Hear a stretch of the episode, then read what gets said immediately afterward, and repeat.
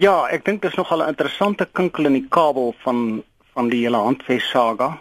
In effek wat ek dink die minister sê is uh, ek sal nie die nuwe handves implementeer nie, maar dan gaan ek ook nie geen nuwe regte, geen hernuwings en geen toestemmings vir oordra van regte toestaan nie. So dit bring eintlik die hele die hele besigheid van mynbouregte tot stilstand. Tree hy binne sy magte op?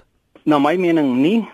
Uh, dis nie hoe dit werk nie. Uh, die minister gebruik artikel 49 van die NPRD wet vir 'n doel waarvoor dit nie bedoel was nie. Artikel 49 magtig die minister om in die nasionale belang die strategiese aard van spesifieke minerale en in die lig van die volhoubare ontwikkeling van minerale bronne in Suid-Afrika sekere beperkings in te stel. Die beperkings moet dan wees vir 'n spesifieke area of vir 'n spesifieke mineraal of 'n groep minerale en vir 'n bepaalde tyd.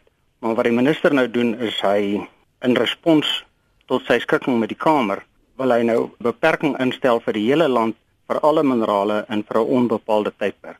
So dis duidelik nie waarvoor artikel 49 bedoel was nie uh en ek dink die minister handel buite sy magte. Die langtermyn impak uh op ons ekonomie en die mynbousektor as jy weet dit nou sou sou wees dat die minister die bedryf somal half probeer straf omdat hulle teen sy mynbouhandves wil optree. My persoonlike mening is ek dink dit is tyd dat die industrie en die minister en die politici met mekaar in gesprek tree en almal in een rigting beweeg.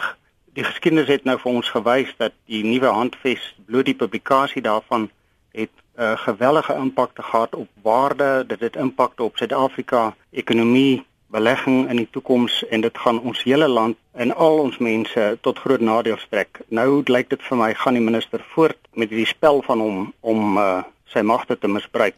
Ek dink dis nou tyd dat ons met verantwoording hierdie hele saak in 'n positiewe rigting probeer dryf.